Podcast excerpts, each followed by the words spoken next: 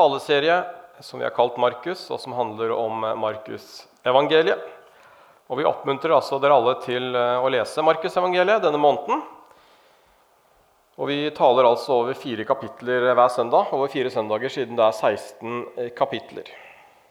Heidi Gelein og Kjell Sverre Birkeland har talt de to forrige søndagene om eh, Markus 1-8. og I dag skal jeg ha litt fokus fra Markus 9-12. Og neste søndag så kommer Karl Johan Kjøde og skal avslutte taleserien med de siste fire kapitlene.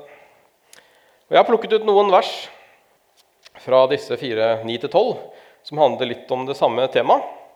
Vi skal starte med å lese fra Markus 9, vers 33 til 37, hvor det står følgende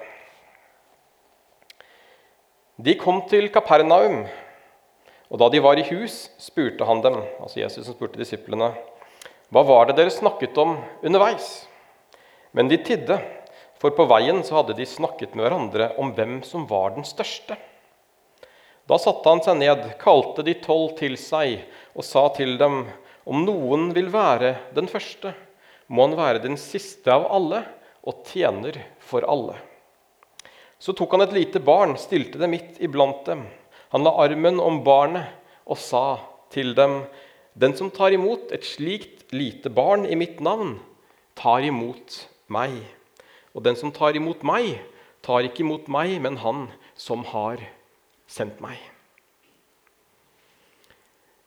Jesu disipler de var opptatt av det som vi mennesker fort kan bli opptatt av.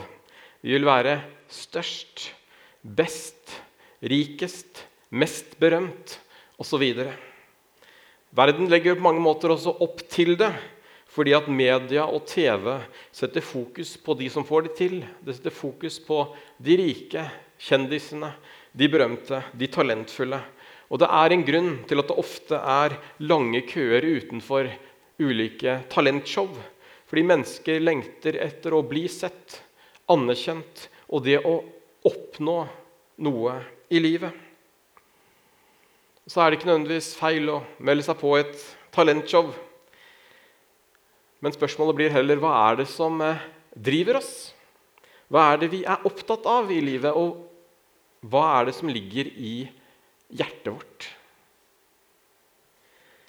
Og Det er heller ikke feil å være kjent, men først og fremst så er vi altså disipler. Etterfølgere av Jesus. Og så er det dessverre fort noen ganger litt lett å få feil fokus. Og Dette fokuset kan også snike seg inn i våre kirker og menigheter. Og Vi har også en del eksempler på at vi kanskje hauser hverandre opp da, på usunne måter ved å si at han har noe helt spesielt, eller hun har noe helt spesielt som vi kanskje må få tak i, og så setter vi de der oppe. Og så gjør vi det kanskje ikke lettere for de heller. Og I enkelte kretser i verden så har jakten etter rikdom og berømmelse ført mange på ville veier også forkynnere og pastorer. Hvor vi kanskje snakker om eh, privatfly og gigavillaer, tjenere, megakonferanser og ikke minst også skyhøye honorarer. Og Når man begynner å ta noen hundre tusen kroner for å forkynne evangeliet i en halvtime, så lurer jeg på hva Jesus ville sagt til disse om han fremdeles hadde gått rundt på jorden. Og så er det mange også som forsvarer dette på ulike måter. Og vi kanskje sier at ja, men det er jo bare Gud som velsigner. Eller han eller hun har skjønt det. De får det til. Eller en privatjet er jo praktisk. Da får man jo forkynt evangeliet fortere rundt omkring. Og at hun eller han har 14 svømmebasseng, det fortjener de jo. Så de får hvilt litt mellom slagene, for de får jo til så mye bra. Og Menneskelig sett så kan vi lett forsvare en slik livsstil fordi vi kanskje innerst inne også drømmer om det samme selv. Men hva sier Guds ord? Jo, som vi leste akkurat, den som vil være den første, må være den siste av alle og tjener for alle, sa Jesus. Og den som tar imot et barn i mitt navn, tar imot meg. Det betyr også at vi skal se de minste. Det er de vi skal være opptatt av, og det er de vi skal tjene. Og Dette går igjen i alle evangeliene. Og Vi trenger ikke å bla lenger enn til Markus 10, altså neste kapittel i Markus. Så kommer det fra vers 13 til 16 om Jesus og barna, hvor det står De bar små barn til ham for at han skulle røre ved dem, men disiplene ville vise dem bort. Da Jesus så det, ble han sint og sa til dem, La de små barn komme til meg, og hindre dem ikke, for Guds rike tilhører slike som dem. Sannelig, jeg sier dere, den som ikke tar imot Guds rike slik som et lite barn, skal ikke komme inn i det. Man tok dem inn til seg, la hendene på dem og velsignet dem. Disiplene kranglet om å være størst. De var også opptatt av at barna ikke skulle forstyrre Jesus. Han var jo på en måte en busy kjendis på mange måter. Men Jesus ble sint da barna ble vist bort. Guds rike hører slike til, sa Jesus. Og den som ikke tar imot Guds rike liksom et lite barn, skal ikke komme inn i det, sa han, og så velsignet han barna.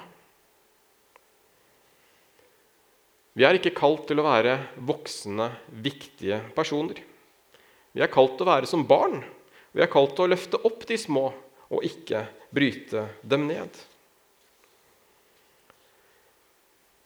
Lærte disiplene noe da, av disse ordene fra Jesus? I hvert fall veldig sakte, for det er ikke veldig lenge videre vi må gå. Senere i det samme kapittelet så er de i gang igjen, i vers 35 i Markus 10, hvor overskriften er 'ikke herske, men tjene'. Og Der står det Jakob og Johannes, Sebedeus-sønnene, kom til ham, altså til Jesus, og sa, 'Mester, det er noe vi vil be deg gjøre for oss. Hva vil dere skal gjøre for dere? spurte han. De svarte, La oss få sitte ved siden av deg i din herlighet, den ene på din høyre side og den andre på din venstre. Men Jesus sa til dem, Dere vet ikke hva dere ber om. Kan dere drikke det begeret jeg drikker, eller bli døpt med den dåpen jeg døpes med? Det kan vi, svarte de. Jesus sa til dem, Det begeret jeg drikker, skal dere drikke, og den dåpen jeg døpes med, skal dere bli døpt med. Men hvem som skal sitte ved min høyre eller venstre side, er det ikke min sak å avgjøre. Der skal de sitte som det er gjort i stand til. Da de ti andre hørte dette, ble de sinte på Jakob og Johannes, men Jesus kalte dem til seg og sa:" Dere vet at de som blir regnet som fyrster over folkene, undertrykker dem, og stormennene styrer med hard hånd. Men slik er det ikke blant dere. Den som vil være stor blant dere, skal være tjeneren deres. Og den som vil være først blant dere, skal være alles slave. For heller ikke menneskesønnen er kommet for å la seg tjene, men for selv å tjene og gi sitt liv som løsepenge for mange. Altså jeg tenker at Jesus må ha blitt litt frustrert iblant. Altså Igjen krangler disiplene. De vil herske. De vil bety noe, de vil sitte på hans høyre og venstre side i herligheten. Og Så er de misunnelige og så er de sinte på hverandre. Og Jesus minner de igjen på at den som vil være først, skal tjene. Og Så sier han at menneskesønnen er selv kommet for å tjene, og menneskesønnen er Jesus selv. Han kom for å tjene og for å ofre seg selv og gi sitt liv. Han kom ikke for å herske, han kom ikke for å få en status, han kom ikke for å bli berømt. Men han kom for å tjene menneskeheten. Og tvert imot, istedenfor å strebe etter suksess og oppnåelse og berømthet Mange steder i Bibelen når Jesus har hjulpet noen, hebredet noen eller vist sin kraft, så oppmuntrer han heller folk til å ikke si hvem han er. Ikke fortelle det. Det var nemlig ikke det å bli haussa opp som var hans agenda, men det var det å tjene menneskene i det stille. Og så tenker du kanskje at ja, det er jo greit at noen må tjene, men noen må da også lede. Og selvfølgelig så må noen lede, men det er ingen motsetning i det å lede og det å tjene. Og jeg tror også at et tjenende lederskap er den beste måten å lede på. Det fortelles en historie om noen soldater som holdt på å flytte en uh, tømmerstokk. Og Tømmerstokken var akkurat litt for tung til at de klarte å flytte på den. Og Ved siden av dem så sto det en sersjant og brølte ut 'Kom igjen, da! Kom igjen! Få flytta den tømmerstokken!' Men den var akkurat litt for tung, så de fikk ikke rykka den. Og Så kommer det en rytter på hest ridende forbi dem og ser opptrinnet. Og sier denne mannen på hesten til sersjanten, 'Hvorfor hjelper du dem ikke?' Sersjanten så forfjamset ut og så på han og sa, 'Men, men jeg er jo sersjanten.' Mannen jumpet da hesten og hjalp mennene med å flytte på tømmerstokken, og med én mann ekstra så var tømmerstokken lett å flytte. Når han var ferdig, så hoppet han på hesten igjen og sa til sersjanten at neste gang du har en tømmerstokk å flytte som er litt for tung, så send bud på øverstkommanderende. Først da skjønte sersjanten at det var selveste generalen som hadde hjulpet mennene.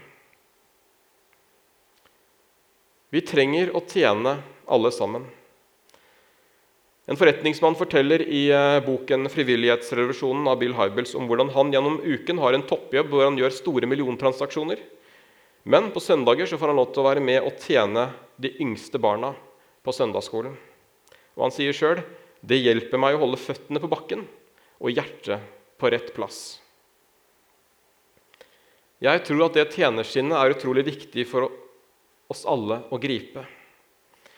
Nettopp for å kunne hjelpe oss til å holde føttene på bakken og holde hjertet på rett plass. Og Et eksempel til fra Markus om hvordan, kan, hvordan det her med å leve med tjenersting kan se ut for våre omgivelser, det finner vi i Markus 10 om den blinde Bartimeus, fra vers 46 og utover. Der står det nemlig De kom til Jeriko. Og da Jesus dro ut av byen sammen med disiplene og en stor folkemengde, satt en blind mann ved veien og tigget. Han het Bartimeus og var sønn av Timeus. Da han hørte at det var Jesus fra Nasaret som kom, satte han i å rope. Jesus, du Davids sønn, ha barmhjertighet med meg. Mange snakket da strengt til ham og ba ham tie, men han ropte bare enda høyere. Du Davids sønn, ha barmhjertighet med meg. Da stanset Jesus og sa, Be han komme hit. De ropte på den blinde og sa til ham, Vær ved godt mot, reis deg, han kaller på deg. Mannen kastet kappen av seg, sprang opp og kom til Jesus. 'Hva vil du at jeg skal gjøre for deg?' spurte Jesus. Og den blinde svarte, 'Rabuni, la meg få synet igjen.' Da sa Jesus til ham, 'Gå du, for din tro har frelst deg.' Og straks kunne han se, og han fulgte Jesus på veien.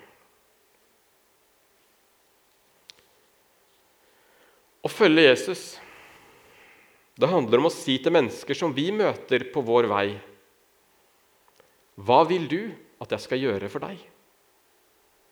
Hva kan jeg gjøre for deg? Hvordan kan jeg hjelpe deg? Hvordan kan jeg tjene deg?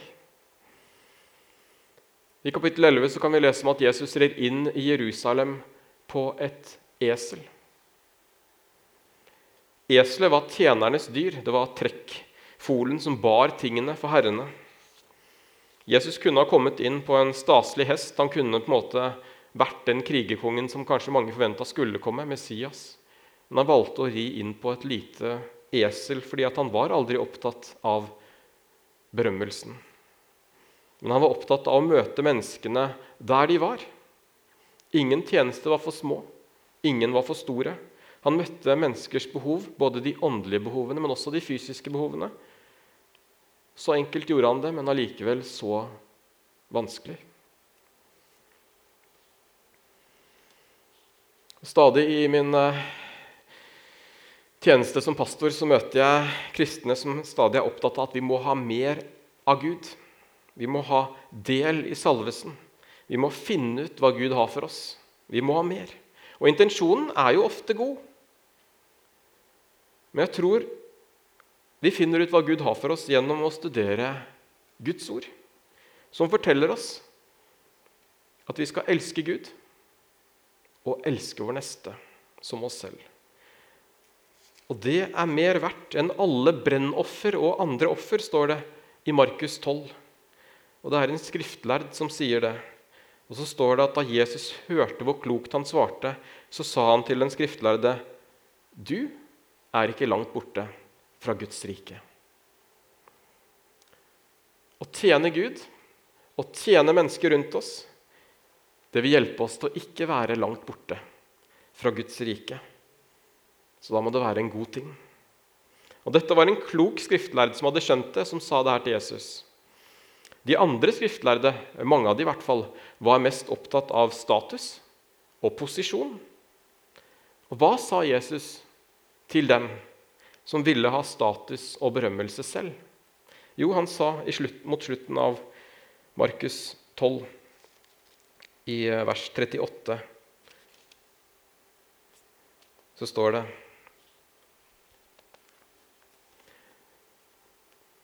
Pass dere for de skriftlærde.